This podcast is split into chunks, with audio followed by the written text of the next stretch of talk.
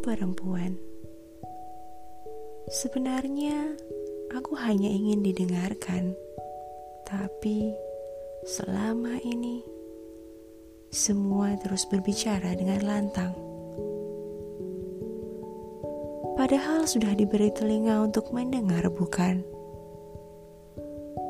Dengan didengarkan, bebanku akan terasa lebih lapang. Maka, duduklah barang sebentar dan cobalah belajar untuk mendengar. Shimbalaye, penyuara darah.